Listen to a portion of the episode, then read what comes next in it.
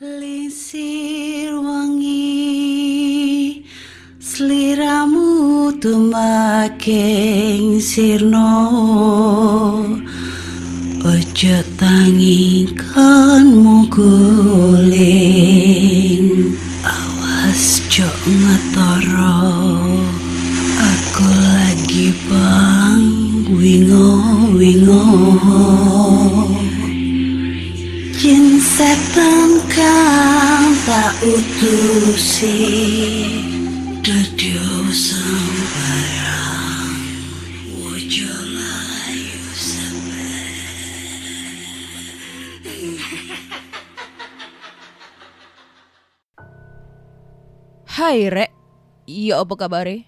Ketemu lagi dengan aku si Ana di podcast kisah horor. Dan kita bertemu di episode 274 dan di episode kali ini aku akan membacakan cerita horor ataupun email berhantu yang sudah dikirimkan teman-teman melalui podcast kisah horor at gmail.com atau di Instagram podcast kisah horor serta Google Form yang linknya tersedia di bio Instagram podcast kisah horor.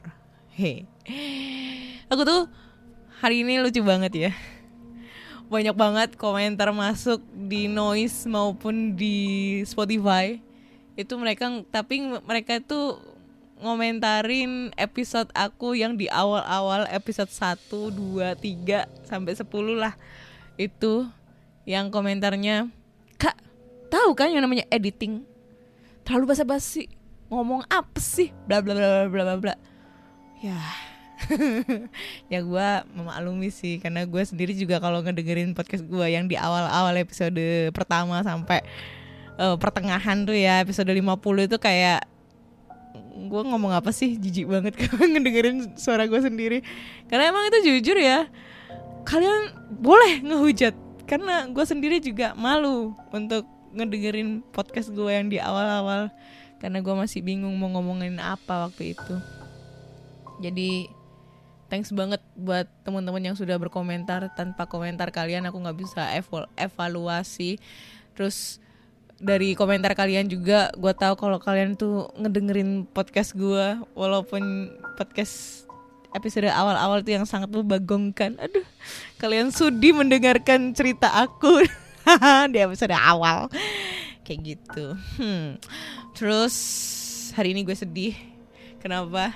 Karena si mantan gue yang kemarin ketemu itu yang selama 10 tahun gak ada kabar tiba-tiba ada kabar tadi itu pelantikan dan istrinya datang dong dari Bogor ke ke Watu Kose gitu kan.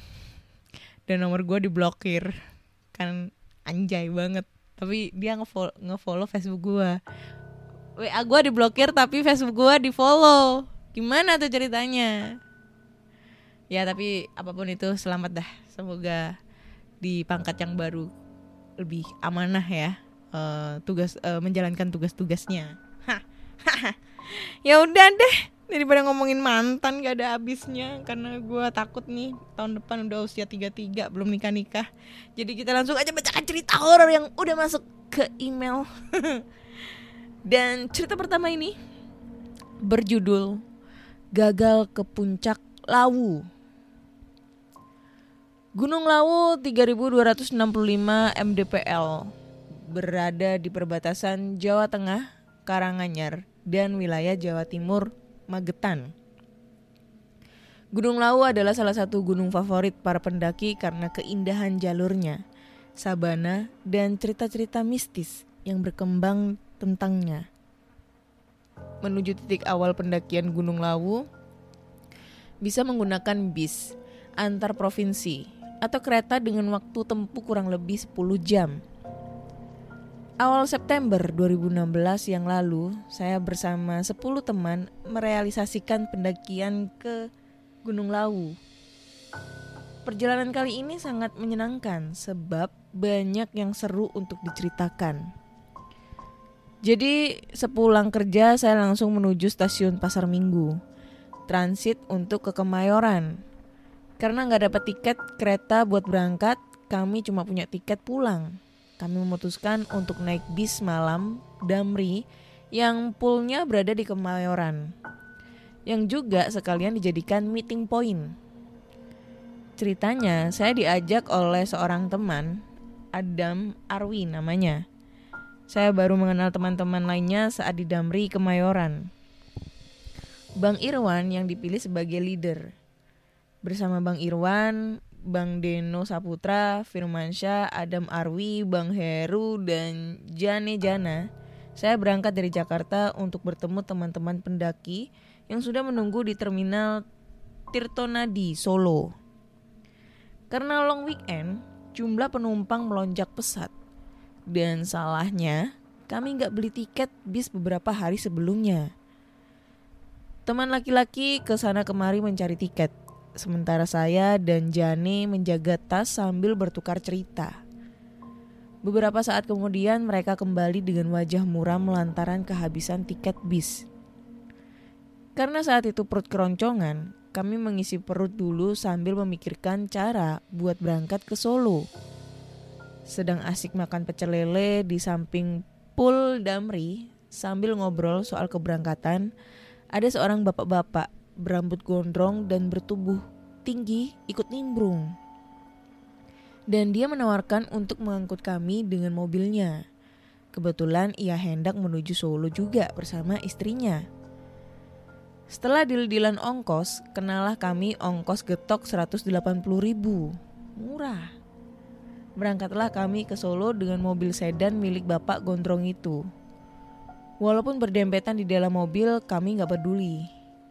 Ah elah, yang penting sampai lah, pikir kami. Perjalanan gak semulus yang kami pikir. Salah masuk tol, ban gembos di tol Cipali. Akhirnya keluar dari tol entah di desa dan daerah mana yang sepi dan gelap. Kanan kiri hutan yang sangat minim penerangan. Dan entah kenapa, lampu depan mobil mati. Dan kami meraba jalan dengan bantuan pan bantuan pantulan lampu dari kendaraan lain.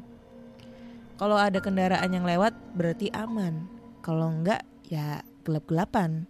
Dan kami semua cuma bisa komat kamit saja memanjatkan doa supaya jangan sampai masuk jurang. Untungnya akhirnya kami menemukan bengkel yang hampir tutup. Bapak montir yang baik hati mau menolong kami untuk isi freon AC mengganti lampu depan mobil dan memeriksa ban. Ketika akhirnya kami meneruskan perjalanan, Bapak Gondrong lupa arah masuk pintu tol. Sebalnya naik mobil pribadi ya seperti ini. Alhasil, jam 8 pagi barulah akhirnya kami tiba di wilayah Solo. Dengan sok tahu kami minta diantar ke terminal kecil yang kami kira sebagai terminal bus. Katanya, Kenyataannya terminal itu hanya terminal bayangan saja. Tempat angkutan desa dan bis 3 per 4 lalu lalang mencari penumpang. Setelah bertanya sana sini barulah kami tahu bahwa ternyata terminal Tirtonadi masih jauh. Masih harus naik bis 3 per 4 30 menit lamanya. Rasanya saat itu ingin nangis. Kok ada aja hambatannya? Kami pun naik bis menuju terminal ter terminal Tirtonadi dengan ongkos 5000 per orang. Alhamdulillah akhirnya tiba di terminal jam 11 siang. Di sana sudah ada dua orang yang menunggu, yakni Kak Tanti dan Mas Pram dari Semarang. Keganjilan mulai muncul. Setelah tukar cerita soal perjalanan dan mengisi perut tentunya, kami langsung menuju jalur pendakian Gunung Lawu via Candi Ceto. Perjalanan ditempuh sekitar 2 jam. Pemandangannya indah. Kebun teh terhampar di kanan kiri jalan. Ada bukit-bukit yang tinggi menjulang. Pohon-pohon pinus kokoh berdiri di pinggir jalan. Saat melintasi jalur ini, jangan lupa buat membuka kaca mobil. Udara segarnya say sayang untuk dilewatkan begitu saja. Pokoknya, yang awalnya mengantuk pasti bakal melek terus begitu melihat pemandangan epik ini.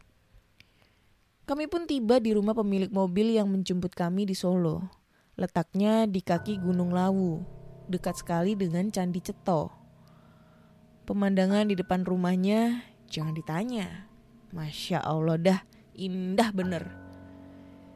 Di base camp pendakian Candi Ceto, pendaftaran diurus oleh leader kami, Bang Irwan. Sementara ia mengurus simaksi, perizinan, dan di briefing kami hanya menunggu sambil selfie. Setelah kelar urus mengurus, kami berdoa kemudian mulai mendaki. Batuk. Waktu itu sekitar jam 5 sore. Kami mendapatkan dua teman baru dari Semarang, yaitu Mas Mencen dan Mas Gondrong. Jadilah kami bersebelas mendaki bersama. Saat itu cuaca sangat bersahabat. Burung-burung hutan dan jalak berbunyi menyapa dan mengikuti kami. Selain Candi Ceto, ternyata ada sebuah candi lagi di jalur pendakian yang cukup ramai oleh wisatawan. Namanya Candi Ketek. Sekitar 30 menit dari Candi Ketek, kami tiba di pos 1.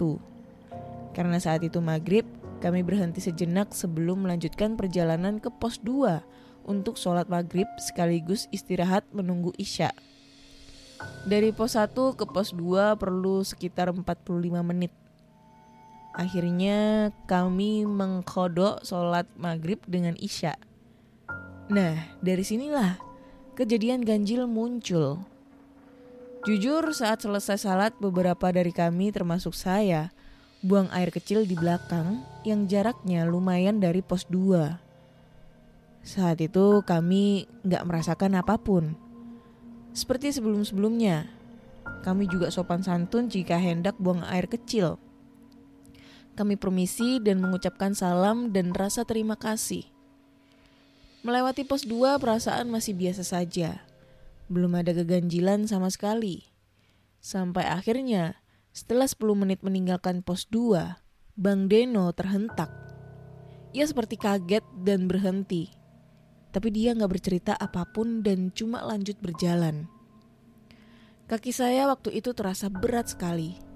Susah sekali untuk digerakkan saya masih berpikiran positif untuk nggak memikirkan hal lain.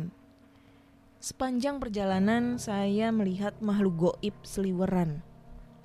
Banyak yang saya lihat. Namun, lagi-lagi saya mencoba berpikir positif saja. Teman-teman mengira saya kena hipotermia. Setengah perjalanan saya terus muntah-muntah. Akhirnya saya terjatuh. Saya dipapah untuk berjalan sebentar sampai pos 3 yang tak jauh dari lokasi saya jatuh. Di pos 3, teman-teman istirahat dan saya meluruskan tubuh saya sejenak. Lalu, saya nggak ingat apa pun lagi. Namun, menurut cerita semua teman-teman pendakian, saya kemudian tertidur. Saat teman-teman sudah selesai masak mie instan, ada mencoba membangunkan saya. Tapi saya nggak bangun-bangun sampai akhirnya teman-teman semua panik. Setengah tubuh saya sudah dingin sekali. Saat itu teman-teman mengira saya kena hipotermia. Lalu Kak Tanti dan Jane Jana mengganti pakaian saya. Membungkus saya dengan sleeping bag, sarung, dan memeluk saya sambil membangunkan saya berulang kali. Namun saya sama sekali nggak bereaksi. Menurut cerita teman-teman, nafas saya hilang timbul dan tipis sekali. Badan saya juga sudah dingin dan wajah pucat sekali. Teman-teman sangat takut saya kenapa-napa. Kak Tanti dan Jani Jana pun menangis membangunkan saya. Teman-teman ada yang membacakan surat Yasin sambil terus berusaha membangunkan saya. Sampai akhirnya Bang Deno memegang dan memeluk saya. Karena dia juga tahu hal-hal goib. Dia bilang ke teman-teman kalau ada yang mengikuti saya. Bang Deno terus mencoba membangunkan saya. Namun saya nggak bereaksi. Beberapa kali juga dia memberikan nafas buatan, namun tak ada reaksi juga. Akhirnya entah apa yang dilakukan oleh Bang Deno, saya pun tersadar dan muntah berkali-kali. Saya pun kaget dan heran melihat teman-teman yang menangis dan tertawa lega melihat saya bangun. Saya cuma bisa melongo karena nggak ingat apa pun. Tapi yang saya tahu, tadi saya mimpi bertemu tiga orang pendaki, seorang laki-laki dan dua perempuan, yang salah satunya berkerudung. Yang saya ingat, si laki-laki ini mau minta tolong kepada saya. Sementara si perempuan berjilbab meminta saya mendengarkan ceritanya. Perempuan satu lagi hanya tersenyum-senyum dan berulang kali terbahak-bahak. Saat saya siuman, tak seorang pun teman yang mau bercerita. Kalau saya bertanya, pada kenapa sih? Ada apaan? Mereka hanya senyum-senyum tapi bungkam. Karena sudah jam setengah 12 malam, kami memilih untuk kemah di pos 3 saja dan menunda pendakian sampai esok pagi. Saat itu saya juga masih heran. Mereka menjaga saya seperti menjaga seorang narapidana. Saya satu tenda dengan Adam, Kak Tanti, dan Bang Irwan. Walaupun mata belum mengantuk, mereka semua meminta saya untuk tidur berjumpa sesuatu dalam perjalanan menuju pos 4. Pagi harinya, kami bangun jam 7 pagi. Setelah sarapan dan siap-siap, kami mulai berjalan ke puncak. Sebelum perjalanan dimulai, berulang kali saya dipastikan sehat oleh teman-teman. Dan saya memang merasa nggak kenapa-napa. Saya nggak sak, sorry, saya nggak sakit dan apa yang harus dikhawatirkan. Pendakian menuju puncak pun dimulai, tentunya ditemani segarnya udara dan kicauan burung entah itu burung apa. Nah, saat menuju pos 4 yang tanjakannya super curam, kanan kiri pepohonan tandus seperti habis terbakar. Ketika saya mendongak hendak memegang akar pohon, saya kaget, sekaget-kagetnya melihat tiga wajah orang dalam keadaan mengelupas dan hancur seperti orang kecelakaan. Saya jatuh dan spontan menangis, ketakutan. Gak mau meneruskan perjalanan ke atas. Adam mengalah. Dia ikut turun menemani saya. Sementara yang lainnya tetap keke menuju puncak. Kami berpisah di pos 4. Sebenarnya saya sendiri pun gak masalah turun sendiri tapi Adam terlalu khawatir sama saya sehingga ikut turun. Sepanjang perjalanan turun, Adam tak henti berbicara, berbicara dan melucu. Katanya sih biar pikiran saya nggak kosong. Tibalah di base camp Reco, relawan Ceto, dan bertemu dengan Pak De Anggoro dan Mas Kris. Pak De Anggoro yang menyambut saya di base camp ia seperti sudah tahu apa yang saya alami. Ia tersenyum saja. Piye, Nduk? Sehat? Ia bertanya. Saya yang kelelahan hanya membalas senyumnya sambil bilang saya gagal sampai puncak. Ia hanya tersenyum lalu merangkul saya untuk bercerita. Tapi Adam yang lebih dulu bercerita. Kemudian barulah Pak De Anggoro bertanya apa yang saya ingat. Saya ceritakan tentang ketiga pendaki yang saya temui itu. Terus tiba-tiba saya spontan menyebut nama Kartini. Cerita tentang kebakaran dahsyat di Lawu. Nah, ternyata menurut cerita Pak De Anggoro, dulu terjadi bencana yang sangat menyeramkan, yaitu kebakaran Gunung Lawu di jalur Cemoro Sewu dan Ceto hanya saja bagian ceto cuma kena sedikit, yakni di sekitar pos 4. Menurut ceritanya, yang wafat ada 9 orang lebih. Ada empat korban kebakaran yang sangat susah untuk di, untuk diidentifikasi jasadnya. Pak Deanggoro bercerita, mereka memang biasa menampakkan wujudnya untuk mengajak pendaki interaksi atau sekedar muncul saja. Banyak yang gak kuat sampai kesurupan, drop, sakit, bahkan ada wanita asal Tegal Rejo yang kesurupan dari atas sampai base camp, lalu karena nggak kuat akhirnya meninggal. Saya pribadi nggak tahu sedikit pun tentang tragedi Lawu. Yang saya pernah baca cuma soal si nenek minta gendong dan pasar setan yang mengharuskan kita untuk melempar duit beberapa beberapa pun jumlahnya kalau ada suara berbunyi tumbas sopo. Di tengah alunan gamelan dan riuh rendah seperti di pasar. Ternyata masih banyak misteri Lawu yang belum banyak diceritakan. Beliau hanya geleng-geleng kepala saja. Akhirnya dia memancing penglihatan saya untuk menerawang apa yang ada di daerah Bulak Peperangan dan Pasar Dieng. Dengan gamblang saya menceritakan apa yang saya lihat saat itu dan dibenarkan oleh Pak De Anggoro. Karena semakin penasaran, dia pun bertanya tentang bangunan di dekat base camp. Lagi-lagi saya menceritakan apa yang saya lihat. Kepiye? Toh wis dikandani ra dirungokke, kata Pak De Anggoro. Yang artinya e, gimana? Udah dibilangin nggak didengar. Ternyata menurut si Pak D, kemarin sebelum kami mendaki, saat briefing, Pak D sudah memperingatkan sebaiknya jangan nanjak dengan jumlah ganjil. Dia juga memastikan apakah kami yakin mau mendaki jam 5 sore. Kenapa nggak pagi atau siang atau malam sekalian? Sebenarnya kalau dipikir benar juga sih.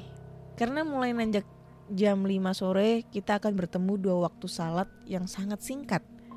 Yaitu maghrib dan isya. Jam-jam segitu memang waktu turunnya san, sandekala atau setan menjelang maghrib. Akhirnya Pak D meminta saya untuk mandi di sendang di Puri Saraswati. Namun saya menolak. Akhirnya saya hanya cuci muka, cuci tangan, dan cuci kaki. Setiba di depan pintu sendang, saya melihat sesosok perempuan cantik. Namun terlihat galak dan bertubuh seperti ular. Saya kaget. Lalu Pak D bertanya, "Melihat apa?" Saya bilang bahwa saya melihat wanita itu. Lalu seraya menunduk dan menelungkupkan tangannya. Dia hanya berkata kepada saya, "Jangan takut, ayo masuk, bersihkan badanmu." Saya menurut saja, lalu saya cuci muka, kaki, dan tangan, masing-masing tiga kali. Setelah itu saya melemparkan uang koin seikhlasnya ke dalam kolam sambil berharap yang terbaik. Percaya atau tidak, setelah itu saya merasa badan saya yang sebelumnya nggak karuan menjadi jauh lebih tenang dan enteng. Seperti apa ya rasanya? Ya kayak plong aja gitu. Ya terserah sih mau percaya atau enggak. Kalau nggak ada ibu itu, barangkali kami jalan kaki sampai terminal Karang Pandan. Nah, setelah tak kunjung menerima kabar apakah teman-teman yang lain sudah tiba di puncak dan mau bagaimana, akhirnya saya dan Adam pamit untuk pulang kembali ke Jakarta. Pasti teman-teman gak dapat sinyal. Akhirnya karena sudah kesorean gak ada angkutan menuju terminal Karang Pandan, mau nyewa mobil harganya mahal sekali, 600 ribu dan uang kami sangat terbatas. Dengan keyakinan bahwa siapa tahu ada ojek atau mobil angkutan di bawah sana yang mau mengangkut kami, juga karena waktu itu masih terang, kami turun jalan kaki. Pemandangannya indah sekali, tapi ternyata jauh juga jalan kakinya. Lama-lama semakin sepi, kendaraan yang lewat pun semakin sedikit. Maghrib hampir tiba tapi saya dan Adam masih saja berjalan kaki mencari tumpangan. Yang namanya jalan pedesaan itu lebih menyeramkan. Sebab kanan kiri bukit, kebun teh, kebun sayur, pohon bambu, belum lagi ada suara-suara hewan malam yang kadang suka bikin rancu. Benar suara hewan malam atau suara yang lain nggak tahu lah. Pokoknya bikin serem. Semakin ditelusuri rasanya jalan semakin jauh dan panjang. Sesekali ada mobil lewat, tapi sebelum kami minta tolong, mereka sudah teriak duluan. Maaf ya, mobil penuh. Akhirnya setelah kami jalan kaki sekitar 3 km, sesudah beratus kali memasang tampang memelas setiap kali ada kendaraan yang lewat, sebuah mobil berhenti. Pade pun dinduk, Tanya seorang ibu kepada saya. Untungnya saya masih bisa bahasa Jawa sedikit-sedikit. Iki bu, Kulo badhe teng Karang Pandan. Numpang bis Semarangan. Eh, numpak bis Semarangan, jawab saya. Hayu tak anter, sampean jalan kaki sekondi, Nduk. Sang ibu menawarkan tumpangan. Candi ceto, Bu. Kulo kesorean, raono mobil opo ojek sing gelem ngatarke mring Karang Pandan. Walah, melaske nemen sang ibu prihatin.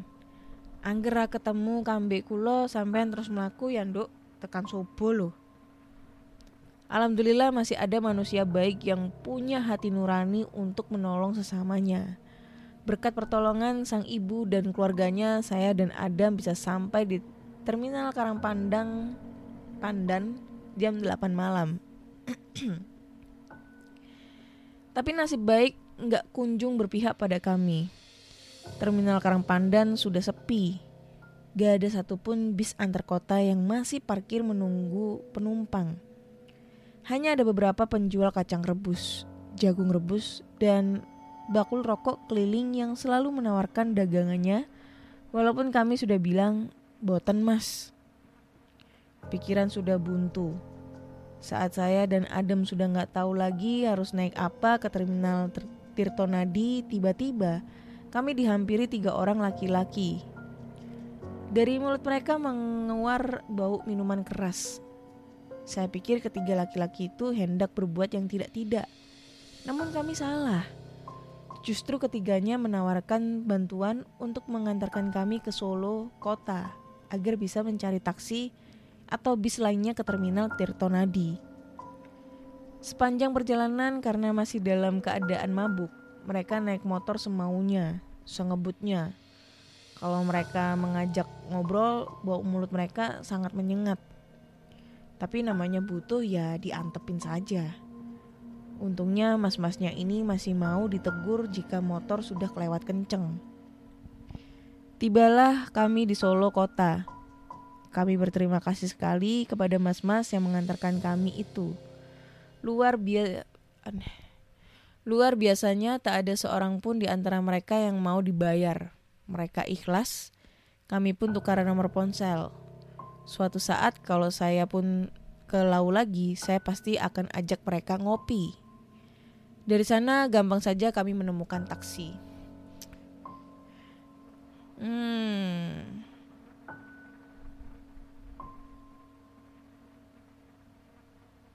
Ntar dulu ya, ini gue baca dulu karena udah mau selesai. Nah, ini terlalu curhat nih coy. Nah, skip skip skip sampai sini. Setelah makan kami menunggu kereta di dalam stasiun, kemudian kami mendapat kabar yang kurang baik dari teman-teman yang muncak lau. Mereka turun dari puncak lewat Cemoro Sewu. Jani-jana kakinya terkilir sampai harus digendong secara bergantian, bahkan oleh ranger. Dia juga sempat demam, ding demam tinggi. Kak Tanti sakit dan beberapa teman lainnya drop. Mereka terpaksa mengcancel jadwal pulang mereka karena sudah sangat larut malam dan gak akan keburu juga tiba di Semarang. Pada jadwal keberangkatan kereta pukul 2 malam. Tiket pun hangus tapi yang tereliminasi dari puncak Gunung Lawu hanya saya dan Adam. Perjalanan mendaki kali ini tidak akan pernah saya lupakan. Semua cerita dan kisahnya akan selalu teringat. Begitupun janji kepada Sang Lawu bahwa suatu saat nanti saya akan kembali bersilaturahmi untuk bertemu Mbok Yem dan Hargo Dumilah. Dan percaya tidak percaya, saat saya tiba di Jakarta dan iseng mengecek Facebook, saya terhenyak mendapati bahwa ternyata saya sudah berteman dengan almarhum Aris Munandar, salah seorang korban kebakaran Gunung Lawu yang jenazahnya nggak bisa diidentifikasi selama tujuh hari. Tak hanya berteman dengan almarhum, saya juga berteman dengan beberapa teman pendakiannya dari tahun 2010. Oke, ceritanya selesai. Panjang ya. Ini lebih ke curhatannya selama ngedaki gunung horornya mungkin karena dia ketemu sama sosok uh, sempat mengalami ngeblank terus dia ketemu sosok tiga orang di mimpinya dua perempuan satu laki-laki terus di pos 4 dia ketemu dengan sosok orang yang hangus gitu ya badannya hangus. Dan ternyata mereka adalah korban korban kebakaran Gunung Lawu gitu aku nggak tahu itu terjadi di tahun berapa. Kita searching aja apakah ada gitu eh, kebakaran Gunung Lawu. Oke, kebakaran Gunung Lawu itu tahun berapa?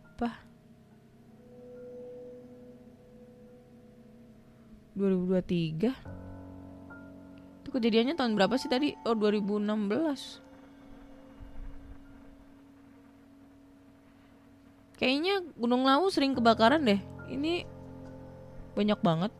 Oh 2015 guys. Ketujuh pendaki Gunung Lawu yang tewas sudah teridentifikasi. Oh iya bener. Ada berita online-nya ya eh, pendaki tewas saat kebakaran di Gunung Lawu. Tapi sebelum itu gue juga mau ngucapin turut berbela sungkawa buat teman-teman kita yang kemarin eh, meninggal saat tragedi Gunung Merapi ya erupsi. Terus ada sekitar berapa orang ya? Pokoknya belasan orang itu meninggal pada saat mereka mendaki sampai gue terenyuh banget ada pas gue baca eh, berita di Instagram itu ya.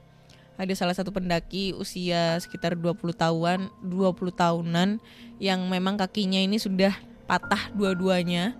Pada saat eh, relawan mau menyelamatkan dia eh, dia lebih mementingkan untuk temennya dulu cewek untuk diselamatkan dianya yang belakangan. Padahal jarak dari atas ke bawah itu sekitar 4 jam. Dan akhirnya eh, meninggal ya karena mungkin kena abu vulkaniknya itu. Ya itu semoga eh, tragedi seperti ini ini yang terakhir ya.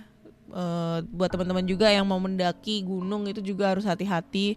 Sekarang juga lagi musim hujan eh, gak bagus juga untuk menda- eh, trekking mendaki karena biasanya itu jalanan licin takutnya nanti terjadi hal yang nggak diinginkan gitu gitu guys. Itu alasannya kenapa gua nggak mau ngedaki gunung. Capek selain capek juga gue takut. Ya takut kenapa-napa. Gue tuh tipikal orang kalau naik ke atas walaupun naik tangga dua lantai itu udah ngos-ngosan gitu loh. Apalagi naik gunung trekking gitu. Aduh capek gitu. Tapi teman-teman ada nggak sih pengalamannya? Eh, mungkin anak-anak mapala nih eh, yang suka ngedaki pernah peng- punya pengalaman hal yang serupa seperti si pencerita namanya si Firda Kak Firda ini. Eh, mendaki di Gunung Lawu terus tiba-tiba ketemu sama sosok korban korban pen- pendaki dulu yang mengalami kecelakaan karena kebakaran gunung itu kebakaran hutan di gunung. Itu pernah nggak sih kalian punya pengalaman hal yang serupa? Nah kalian bisa langsung aja kirim ceritanya ke podcast kisah horor at gmail.com karena biasanya cerita tentang pendakian di gunung itu sangat variatif ya cerita-ceritanya dan apa ya lebih kerasa horornya. Karena banyak banget cerita yang masuk di PKH itu tentang pendakian gunung itu ada yang masuk ke pasar eh, pasar apa pasar setan ada yang ngedenger ngedenger gamelan ada yang kesurupan gara-gara mungkin ada salah satu pendaki yang datang bulan atau buang air sembarangan atau mungkin eh, ngomong sembarangan di sana. Ada kalau kemarin cerita yang nggak masuk akal banget bahwa eh, temennya ada yang mati gitu, terus ada yang ditembak dor sama orang sana. Itu itu hal yang cerita yang agak pembodohan gitu ya. Gua nggak nggak percaya dengan cerita yang itu. Lupa episode berapa itu dah. Kayak gitu-gitu guys.